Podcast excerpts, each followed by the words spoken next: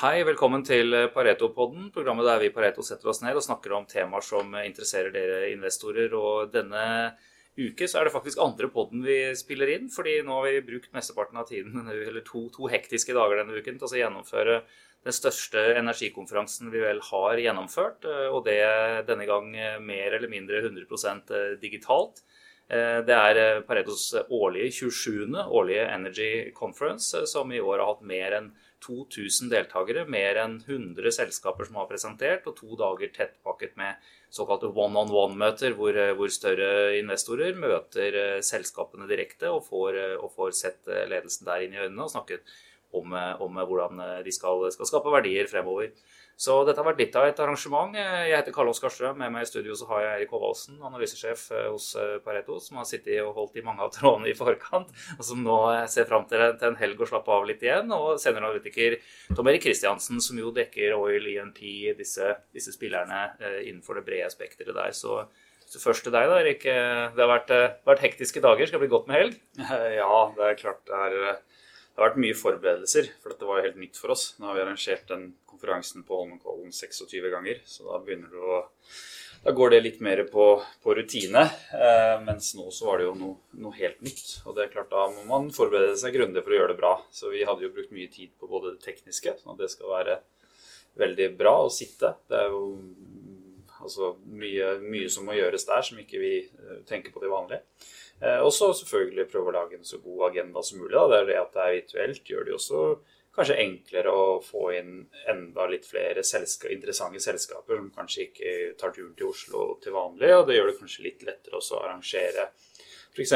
litt sånn debatter og intervju med, med næringslivsledere og sånne ting som, som i, et, i, et, litt enklere format da, for, for, for flere å få med seg. Så, mm. Ja, for Vi hadde noen selskaper som var her fysisk og kjørte sin presentasjon herfra. Og så hadde vi noen som hadde sendt inn på forhånd, eller noen som deltok via videolink. Men, og vi hadde jo statsministeren som innledet litt til å begynne med her. Energi er jo naturlig nok en, en svært viktig sektor i, i Norge, og på en måte premissgiver for mange av av de sektorene som har vært der både før og kanskje kommer etter. Altså shipping, som du dekker, en del energy transition, som var hovedtema. Men, men jeg tenkte vi skulle ta, ta, litt etter det, for vi hadde også keynote speaker her, sånn, som, var, som ikke ofte man får, man får foran noe kamera eller mikrofon. Kjell Inge Røkke, som jo er hovedeieren i, i Aker. Og Aker er jo et kan du si, investeringsselskap innenfor energi nå.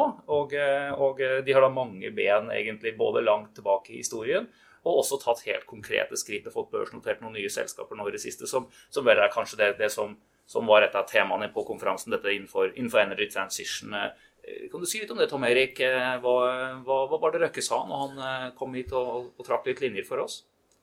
Ja, det er jo selvfølgelig veldig veldig interessant å høre det direkte fra, fra Kjell Inge Røkke og, og Øyvind Eriksen der, som sitter på toppen og ser det store bildet og trekker disse litt lengre linjene. Tror jeg et av hovedpunktene er jo egentlig hvor høyt ambisjonsnivået faktisk er eh, innenfor en del av disse nye næringene. De har jo hatt mye suksess de siste årene med å bygge opp f.eks. Aker BP, som har blitt en veldig veldig stor produsent på oljesiden eh, på norsk sokkel. Men mens de nå faktisk egentlig fokuserer da mest på Cognite og Aker Carbon Capture og Aker Offshore Wind, som jo er de nye satsingene, og, og som de selv har veldig troa på. Selv om det faktisk, hvis du går og ser på navnet i Aker i dag, er jo en ganske moderat eh, verdsettelse på i forhold til liksom, den tidsbruken de i hvert fall valgte å bruke på å snakke om det, og ambisjonsnivået der. Da. Så det er klart at det, her skal det jo bygges opp egentlig et helt nytt forretningsområde. da. Det er jo slik det er kanskje for et slikt selskap. altså man skal, Du har jo biter av selskapet som genererer masse cash nå. Og så har du det som kanskje krever masse cash fremover, som da vil være en, en investeringsfase. og Det er jo der ofte investorene og de som man møter på en sånn konferanse, legger fokus selvfølgelig hva, hva, skal man, hva skal man kjøpe og være med på fremover. Ja, det er det de snakker om. At de har jo nå eh, selvfølgelig mye kontantstrøm fra sånn som Aker BP, som egentlig har pløyes inn i mye av den fornybarsatsingen. Eh, og så er det jo det som er litt interessant når du på en måte hører fra de òg, det er jo den praten rundt Vi fremstiller jo dette som noe nytt fordi det er et nytt børsnotert selskap osv. Mens en del av dette er jo ting de har holdt på med inni de andre selskapene i ganske lang tid. da, eh, Typisk som litt mindre avdelinger mange år tilbake i tid. og Så har det på en måte vokst seg større og større der. og Så finner man på en måte ut at nå er det riktig tidspunkt å f.eks. ta Aker Carbon Capture ut av mm. Aksu. da. Mm. Dette her er jo, var jo Røkke litt inne på også, at han mente timingen var riktig nå for, også, for oss å gjøre disse grepene. Og det, det minte meg faktisk litt på det som får mye overskrifter nå rundt omkring i verden, er jo IT. ikke sant? Og vi ser den enorme boomen som har vært, og hvordan det har løftet indeksene i USA. Og jeg har jo vært med i markedet lenge nok til å huske hvordan det også var for, for 20 år siden, da man hadde den såkalte IT-boblen. Eh, og den gangen så var det jo massevis av selskaper som, som fikk enorm kapital kastet etter seg, men de tjente ikke noe penger. Nå er de selskapene som er igjen, blant de som genererer mest kontanter av alle selskaper i verden. liksom tross alt. Og, og litt dette i mindre format har man jo også sett innenfor såkalt grønne aksjer. For Spoler du fem, sju, åtte år tilbake, så var det liksom en del sånne grønne fond og grønne selskaper som kom, men de tjente ikke noe særlig penger. Nå er vi liksom, nå skjer det, nå, nå, nå gjøres de faktisk store investeringene. Nå bygges det skikkelige industri rundt dette her, er litt inntrykket jeg jeg har. Og, og, og, tror det kan være det han mente nå. Så at liksom, nå er tiden inne, nå, nå, skal dette gjøres. Jeg tror det, det, du i hvert fall kan si, er at du har gått, mye av fornybarsektoren har gått fra å være eh, fem-ti år tilbake i tid mye mer forsknings- og utviklingsbasert. Det var jo racet som har skjedd både på solkraft og vindkraft i form av å bli konkurransedyktig på pris, har jo liksom vært det store fokuset hvis man ser ti år tilbake i tid. Mm. Å komme dit man er nå. Nå er man jo på en måte kostnadsledende på produksjon av strøm f.eks. Så nå da går man jo inn i en annen fase. Da blir det jo egentlig mye mer snakk om å skalere prosjektene og bygge ut store prosjekter. Ikke lenger ha på samme måte ha en forskningsavdeling. Mm. Det er ikke kun det. Du kan også da ha selskaper som spesialiserer seg på, på utbygging og drift av eh, det som vil bli da eksisterende infrastruktur, da, og skalere det på en helt annen måte. Det, det er klart at det gjør jo også at du kan sysselsette mye med mer kapital. Ja, for du, du kan rett og slett begynne å, å, regne litt ordentlig på det, liksom. Det, det, blir, eh, det blir, litt annet enn, en bare å, å, synse og mene. Dette er, eh, dette er ting som bygges ut fra ja, kontrakter. Ja, rett, rett, og slett. Og så ser man da at man får et, en annen inntektsprofil og en annen risikoprofil på mye av det man skal gjøre også, da. Mm. Så er jo Aker selvfølgelig litt sånn spredt der med på en måte forskjellige satsinger i forskjellige typer kalles det modenhet. Da, ikke sant? Det er jo sånn som Carbon capture er jo åpenbart, hvis man liksom ser 20-30 år fram, at kommer til å bli veldig stort hvis man skal mm. nå Paris-målene f.eks. Det er jo en industri hvor man fortsatt på en måte er i, i, den fasen hvor man jobber med å få ned kostnadene og jobber med å få skala og liksom realisere egentlig noen få prosjekter nå og på en måte bevise hva man kan, da, er viktig. Mens man i, i, i vind f.eks. i større grad har på en måte kommet enda lenger kostnadsmessig og nå egentlig bare kan skalere og bygge ut. da. Så var det jo én ting Røkke sa, og som han ble sitert i på noen aviser, men som andre visstnok så ut til å, å, å, ville ikke gjøre. Han sa at dere får ikke lytte til det jeg sier, men til det jeg prøver å si. Eh, og, og, det han sa, var jo også dette at, at, selv om de nå gjør en masse nye ting, så skal man jo ikke slutte å produsere olje og gass. Altså Vi kommer til å trenge dette i lang tid fremover. Og, og en av de det som per nå er den største verdien i, i Nav, da, net asset Value i, i uh, Aker-systemet, er jo Aker BP, som du som du dekker. Og de er jo i den fasen nå hvor det jo virkelig begynner å, å, komme mye penger ned i, på, på bunnlinjen. Ja, absolutt. Eh, det var jo egentlig gøy å ha de på konferansen. De har jo vært et fast innslag over lang tid. Eh, men hvor offensive de faktisk er nå, selv med all den måte, opp- og ned-turene man har hatt i, oljen og usikkerheten man måtte se framover og på etterspørselssiden akkurat nå, så er det de ganske øh, åpne på at de syns det er veldig mye muligheter. De sitter på en portefølje som har lave kostnader, øh, som selvfølgelig har blitt enda mer lønnsom å bygge ut nå øh, fordi det har blitt enda lavere servicekostnader osv. Så, videre. så det som var liksom 35 dollar break-even, er nå 25 dollar break-even, mener de. Mm. Så der også er det jo egentlig ganske full fart framover. Og så fokuserer jo de, og litt sånn som Lundin Petroleum, eller nå Lundin Energy, da, minte oss på, er jo at de norske selskapene på norsk sokkel er jo um, veldig langt framme på lave utslipp, f.eks. Så sånn at De også jobber med å forbedre seg, men det er klart det er en fin påminnelse. Det var jo Energy Transition som var fokus her, og, det er klart det er et press på oljeselskapene å få ned utslippene nå. Men det at da Aker BP og Lundin f.eks. er liksom en sånn 60-70-80% under verdensgjennomsnittet. Mm. Det er jo et, et, godt kort for de også å ta med seg inn i, i framtiden. For det var jo det som var mye av fokus på konferansen i år. Eh, hvordan man egentlig ser at energiproduksjon snur seg litt rundt da, og blir et mye videre begrep enn det kanskje var for fem og ti år siden. Mm.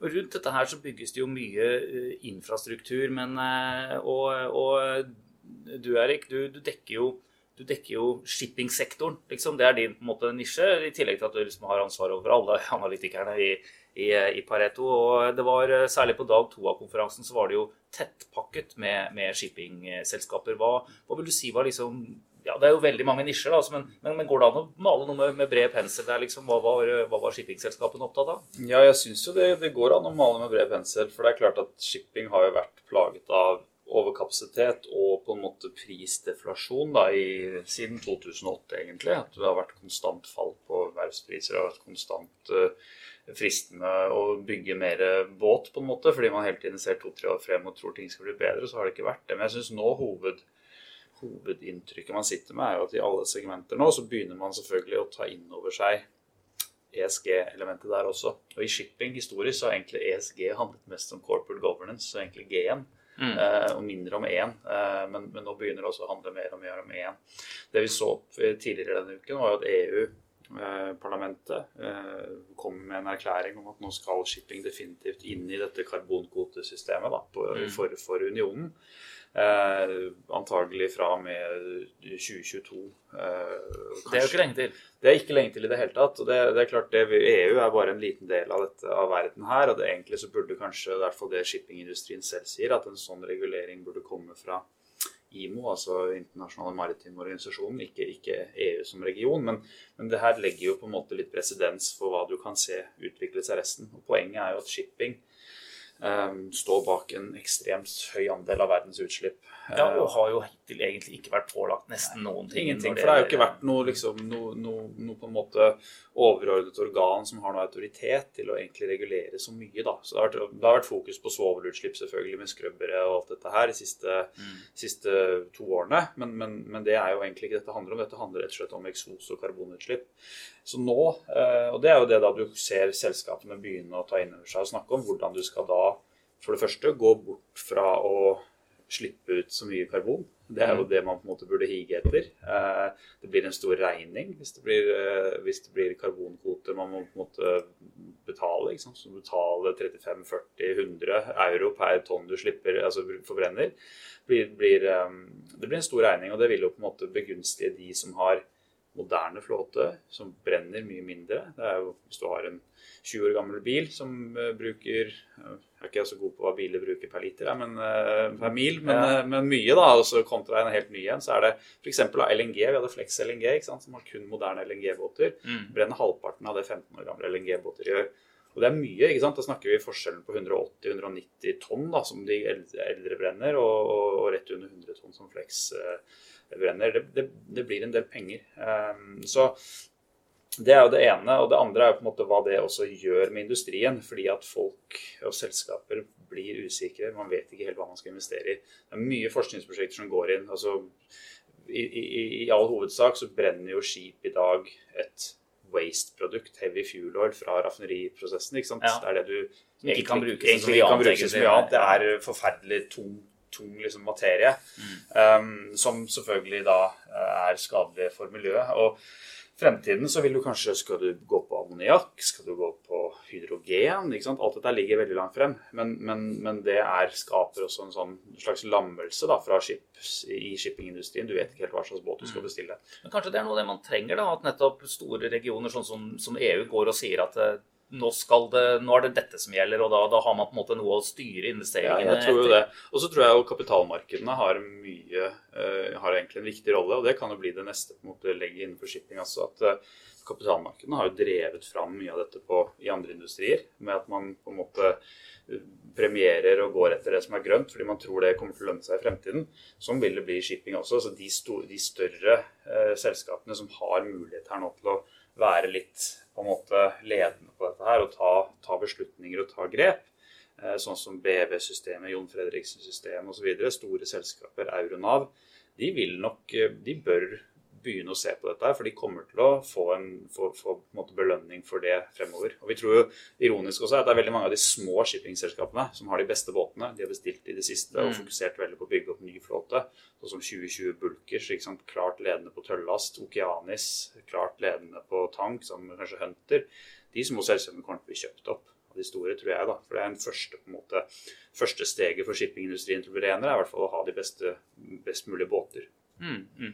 Dette her er, eh, det er et det, det, det, var, en bred palett av temaer vi hadde oppe på, på energikonferansen. En av de og det var et eget shipping-symposium. Det var Energy Transition som vi snakket litt om. Eh, vi spilte inn en podkast tidligere i uken hvor vi snakket mye om, om, vind, så vi skal ikke ta det, det, opp igjen nå. Men det var eh, Vi hadde et, et delsymposium også, eller kan si en gruppe av, eh, av, selskaper som var inne, som jo er noe av det som, som virkelig kommer nå, som både innenfor shipping og, og, energi. og det er jo, Du var litt inne på det i stad, men det er jo dette å ta Eh, digitaliseringen et, et langt, eller ta det ordentlig inn i alle deler av, av virksomheten sin. Og eh, Der hadde vi jo bl.a. Cognite, som jo kommer fram fra, fra Aker-systemet. Vi hadde Kongsberg Digital, og vi hadde flere andre Sintef. Altså det, var, det var mange aktører som, som, jobber med dette her.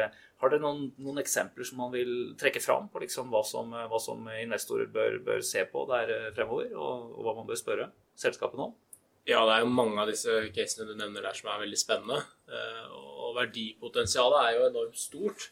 Jeg tror det er viktig å huske på. Det er jo eh, enkleste eksempelet kanskje som gjentatt litt fra f.eks. Cognite har brukt tidligere, er jo at mye av vårt liv har jo blitt digitalisert med at vi fikk oss en smarttelefon alle sammen. Mm. Mens eh, i industrien så gjør man jo fortsatt ganske mye på gamlemåten. Man går på en måte til en viss grad rundt på oljeplattformer og leser av målere, og man gjør det samme på fabrikker. og det er mye som kan automatiseres i det norske strømnettet f.eks.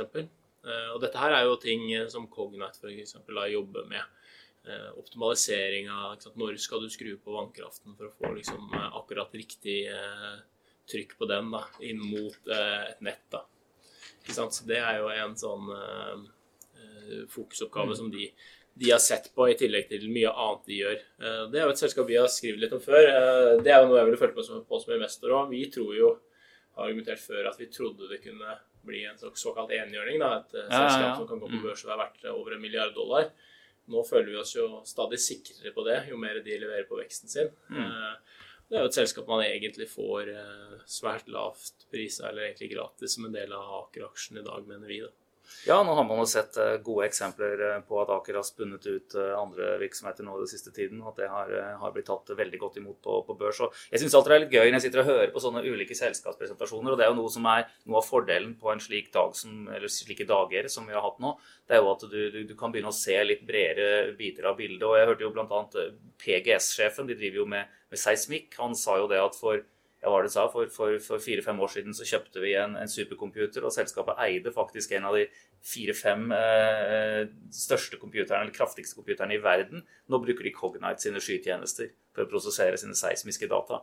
Så liksom det er, det, det er jo litt det samme som vi merker i våre egne liv, at det er helt utrolig hva du kan aksessere gjennom liksom disse skybaserte selskapene, og de som selger den form for prosesseringskompetanse. Altså. Og det tar det jo litt sånn inn i, inn i Energy Transition, så er jo disse selskapene her svært viktige. For det handler jo mye om eh, I tillegg til det å produsere mer grønn energi, som liksom er den åpenbare nummer én, så er det jo effektivisering egentlig av alt vi gjør. Eh, som en viktig del, og det å kunne f.eks. bruke mer strøm eh, istedenfor andre typer brenn, brennstoffer energikilder er jo også vært viktig. ikke sant? Korvus f.eks., som har vært ledende i Norge på å elektrifisere mye av ferjene vi har osv. Mm. Som også var her og snakka. Så du får jo sånn bredere spekter da, av alle selskapene som var her. Så den teknologidelen på, på dag to syns jeg var svært interessant. Det er jo noe jeg anbefaler mange å logge inn og titte litt på, for der er det jo mye spennende. og det er jo der du på en måte får disse selskapene som på en måte kan gå fra nesten ingenting til veldig mye hvis de er suksessfulle. da. Ja, jeg vil jo understreke det for de som, eh, som eh, var på seminaret eller er interessert i dette her. Altså, det er jo tilgjengelig for våre eh, kunder. Og var man på seminaret og ikke fikk sett på alle presentasjonene, og det er jo naturlig at man ikke fikk, fordi på det meste så gikk det jo fire parallelle strømmer med presentasjoner, så ligger det inne i den kan du si, seminarsystemet, det Invite People som det kalles, som jeg har brukt der. Eh, der kan man gå inn i hele den neste måneden er det vel, og så se disse, disse presentasjonene og, og, få med seg det. Eh, vi hadde jo, som jeg nevnte innledningsvis, eh, Erna Solberg som innledet eh, med hilsen også på via video fra sitt, sitt, kontor. For det er klart, i Norge er jo et godt eksempel. altså Vi kan like å, å skryte av oss selv, men akkurat på det området her så kan man jo faktisk det. og Det sier jo selskapene også. At, at statens rolle i å legge rammebetingelser har vært viktig for for investeringene i Nordsjøen og utvikling av hele clusteret rundt det. Og, og jeg syns det er bra at man, og det tror jeg man egentlig opplever på alle partier i Norge, at de nesten alle, at de, de er veldig innstilt på å også være med på dette her fremover. Og denne energy transition er jo for så vidt midt i, i blinken. Da har du noen, noen, tanker rundt det, Erik? Ja, det er jo det er bare å anbefale en lykkelansering på NRK. Det, så ser man hvor viktig norske, altså, det de, de, norske politikerne har gjort egentlig siden starten her, ved å hjelpe og legge til rette for at norsk industri skal beskyttes og bygges opp. Så, så ser vi jo, og så skjønner vi jo nå hva som kommer til å skje innenfor særlig offshore vind i det korte bildet, men også innenfor sånn som karbonfangst og andre steder. Vi har jo 150 altså vi, vi har jo Aker personifiserer på mange dette. Vi hadde Wilhelmsen inn også, ikke sant? som startet med seilskuter i Tønsberg på 1800-tallet, og nå skal utvikle hydrogendrevne på en måte bilbåter etter hvert. Så dette her er noe Norge øh, alltid har vært gode på. ikke sant? Man kan jo dra den floskelen enda lenger tilbake til vikingtiden osv. Det, det, det, det skal ikke vi gjøre. Men, men, men, eh, det er klart at staten alltid har vært der i, for norsk industri og, og, har en klar ambisjon, ser vi i hvert fall ifølge det Erna Solberg sier, eh, om å fortsette å legge til rette for det. Men det interessante her er jo egentlig at mye av dette her begynner å bli ganske lønnsomt selv uten subsidier. Da. Det gjør jo egentlig også at det er mye lettere for myndigheter over hele verden etter hvert å oppfordre til, eller å legge til rette for dette her og sette seg ambisiøse mål. Mm. Så den unike leverandørindustrien og erfaringen vi har fått fra Nordsjøen, den kommer til å komme til nytte over hele verden. Det er bare å forberede seg på. De mm. selskapene her som er ledende innenfor det de gjør nå, kommer ikke til å bare holde på i Nordsjøen. Det kommer til å bli utenfor USA. Det kommer til å bli masse oppvekst i Asia på dette her. Så, så, det er bare å følge med. Ja, her blir det mye å gjøre for disse selskapene fremover. Og det er jo eh, spennende at man har såpass godt eh, kan du si, industrielt miljø i Norge for å håndtere dette her. At, eh, at vi forhåpentligvis kan være med å ta dette her litt ut, som du sier. Det tror jeg er, er åpenbart. Og det, det, er jo uten sammenligning for øvrig. altså du kan si det er folk to ting da, som staten og, og, Aker, kanskje, den type investeringsselskaper har felles. Det er at eh, du, du har muligheten til å kunne se eh, noen få år, altså litt lenger frem eh, enn det en del, eh, en, del, en del, andre selskaper gjør. For de kan, de, kan, på en måte, de har råd til å gjøre ting som du ikke tjener penger på i morgen, men kanskje over i morgen. Eh, og det er, eh, det er en det, det, er en innstilling som også trengs i, i, markedet. Og nå er vi jo i den fasen at og det ser man jo på prisingen av selskapene, at eh, det brede markedet begynner å være veldig mottakelig for, for en del av disse tingene her. Og det er jo også en, en funksjon. Får du mye kapital tilgjengelig til en fornuftig kapitalkost, så kan du investere raskere. Så jeg har jo sett eh, flere analytikere her sånn som kommer og sier at vi må liksom vi må, vi må, dra nærmere i tid, eh, kan du si, størrelsen. Altså, det, går, det går brattere oppover enn man hadde trodd på egentlig det som man trodde var relativt optimistiske estimater for, for litt siden. Eh, og det er jo gøy. Ja, det er jo det. Det går jo mye mye fortere enn man tror. og Spesielt når man på en måte knekker noen sånne store, viktige koder, så, så ser man jo det at skaleringstakten da, det går mye mye fortere. Så det typiske eksempelet nå er selvfølgelig vind. Hvor man på en måte i Europa forventer jo nå å være der man trodde man skulle være i 2040. Det forventer man å være innen det tiåret her er over. Mm. Eh, og det er jo ikke drevet av subsidier eller den type ting. Det er drevet av at nå er den teknologien så god og så kostnadseffektiv at investormarkedet egentlig løfter det fram alene, på en måte. Eh, selvfølgelig med støtte av myndigheter i form av få regulert områder osv. For, for drift, men, men, ikke den type subsidiering som man har hatt tidligere. For Man har jo bygd opp f.eks. offshore vindindustrien har blitt bygd opp rundt Nordsjøen. En del viktige markeder der. Storbritannia, Danmark, Tyskland bl.a. har vært store markeder til nå. Mm. Uh, og så får man ned kosten så mye, uh, og man har fått hjelp i startfasen uh, av subsidier. Litt sånn som norsk stat nå gjør med flytende offshore vind. og så ser man at når kosten kommer nok ned, så blir det kommersielt. Man kan skalere prosjektene. Man bygger på en måte plutselig ti ganger så stort som man gjorde for tre år siden. og det er klart da skjer det noe med kostnadene, og så får man en sånn positiv spiral som gjør at dette her fort blir mye større enn, enn man har trodd. Da. Det er jo veldig vanskelig å sitte i et regneark og på en måte si hvor dette skal være en del år fram i tid, for det er jo veldig avhengig av utviklingen til, til hvert enkelt uh, område, da, både på selskapsbasis og, mm. og, på industribasis, egentlig. Og det er jo klart, det er jo der sånn som Aker du ser det nå, på en måte starter jo flere ting liksom litt i det små. ikke sant? I, de har erfaring fra før av, de har erfaring med industribygging, og så får de da flere litt små bein til å starte med nå. Og Så er det jo vanskelig å si på en måte om hva det er som er stort her om fem og ti år, men, men, noe kommer helt sikkert til å være det. og Da kan de jo skalere der hvor de ser lønnsomheten når du på en måte oppnår det. da. Det er, eh, det er, eh, bra. Det er mange temaer vi kunne snakket mye mer om her, så, men jeg tror vi må spare litt. Eh, vi har vel et seminar som kommer litt lenger ut på høsten også, som er et mer sånn rent renewable energy-seminar. Hvis, vi hvis, vi kan reklamere litt, så har vi jo uh, vårt Cleantech-seminar. Det kommer, fra, kommer til å bli holdt i Stockholm fysisk, men selvfølgelig streames til alle våre kunder over hele verden. Det, blir jo det er jo fantastisk interessant, for det er jo på en måte de som leverer teknologi til veldig mye spennende innenfor egentlig alt som har med fornybar å gjøre. Veldig mye selskaper som ikke tjener mye penger i dag, selvfølgelig, men som har vanvittig potensial. Så det vil vi anbefale. Der er jo også Sverige faktisk på børs en del år foran Norge, eller i hvert fall vært da, i, forhold til hvor mye selskaper man har å velge i osv. Og, og så har vi jo selvfølgelig vårt årlige eh, såkalte Power and Renewable-seminar. Det har vi også hatt i godt over 20 år. Vi, vi, har hatt det, og det har jo egentlig ikke vært så altså Man har, har, ikke fått så mye oppmerksomhet blant investorer i Norge. og Grunnen til det er jo at det har nesten bare vært kan du si, kommunale, statlige altså Det er kraftselskaper, det har vært eh, vannkraft og den type ting. Mens jeg har jo sett de siste årene der også, så kommer det jo mer og mer selskaper som kan du si er børsnotert, og som er den type Og det har vært vind, og det har vært sol, og, eh, og jeg har jo vært på de seminarene noen ganger og blitt eh, overrasket over liksom størrelsen på en del av investorene. man man møter når man setter seg ned eh, til lunsj, og så får man høre ja, vi har investert 30 milliarder dollar selvfølgelig i den og den sektoren. Og det er liksom Det er, det er, det er pensjonskassemat, ikke sant. Det er utilities som, eh, som, eh, Men som det blir mer og mer fornybare utilities, da, ikke sant. Som, ja. som, som, så det seminaret, det er jo alltid i starten av januar, blir jo også veldig interessant i, i denne konteksten her.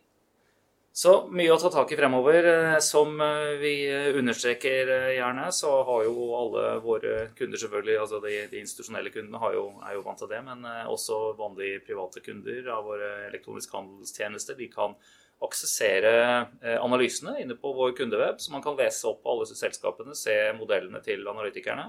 Og de har også muligheten til å være med på denne type seminarer, og det koster ingenting. Ulempen med å å ha det digitalt. Eh, det har mange fordeler, men ulempen er at du, ha, du får ikke noen høye smørbrød. De må du lage selv. Så da bør man jo bruke anledningen og så kjøpe seg litt, uh, litt roastbiff og så lage seg et godt smørbrød og sette seg ned og se livefeedene fra seminarene våre. Det er en god plan. Det er en god plan. Og med det så sier vi vel eh, takk for nå til, eh, til, alle. Og så fikk vi tips fra en lytter om at vi skulle legge på eh, nummer på, på, våre podder, sånn at det var lettere å finne igjen. Du vil finne de her på Soundcloud, det er der vi legger de. De er på Spotify, de er i podkastappen på Apple. Og, men hvis jeg sier det, de som hører at jeg sier dette, de har vel allerede funnet den. Men det kan man jo ta og si, si videre til, til andre at det går an å abonnere på det, og så får man med seg alt sammen automatisk.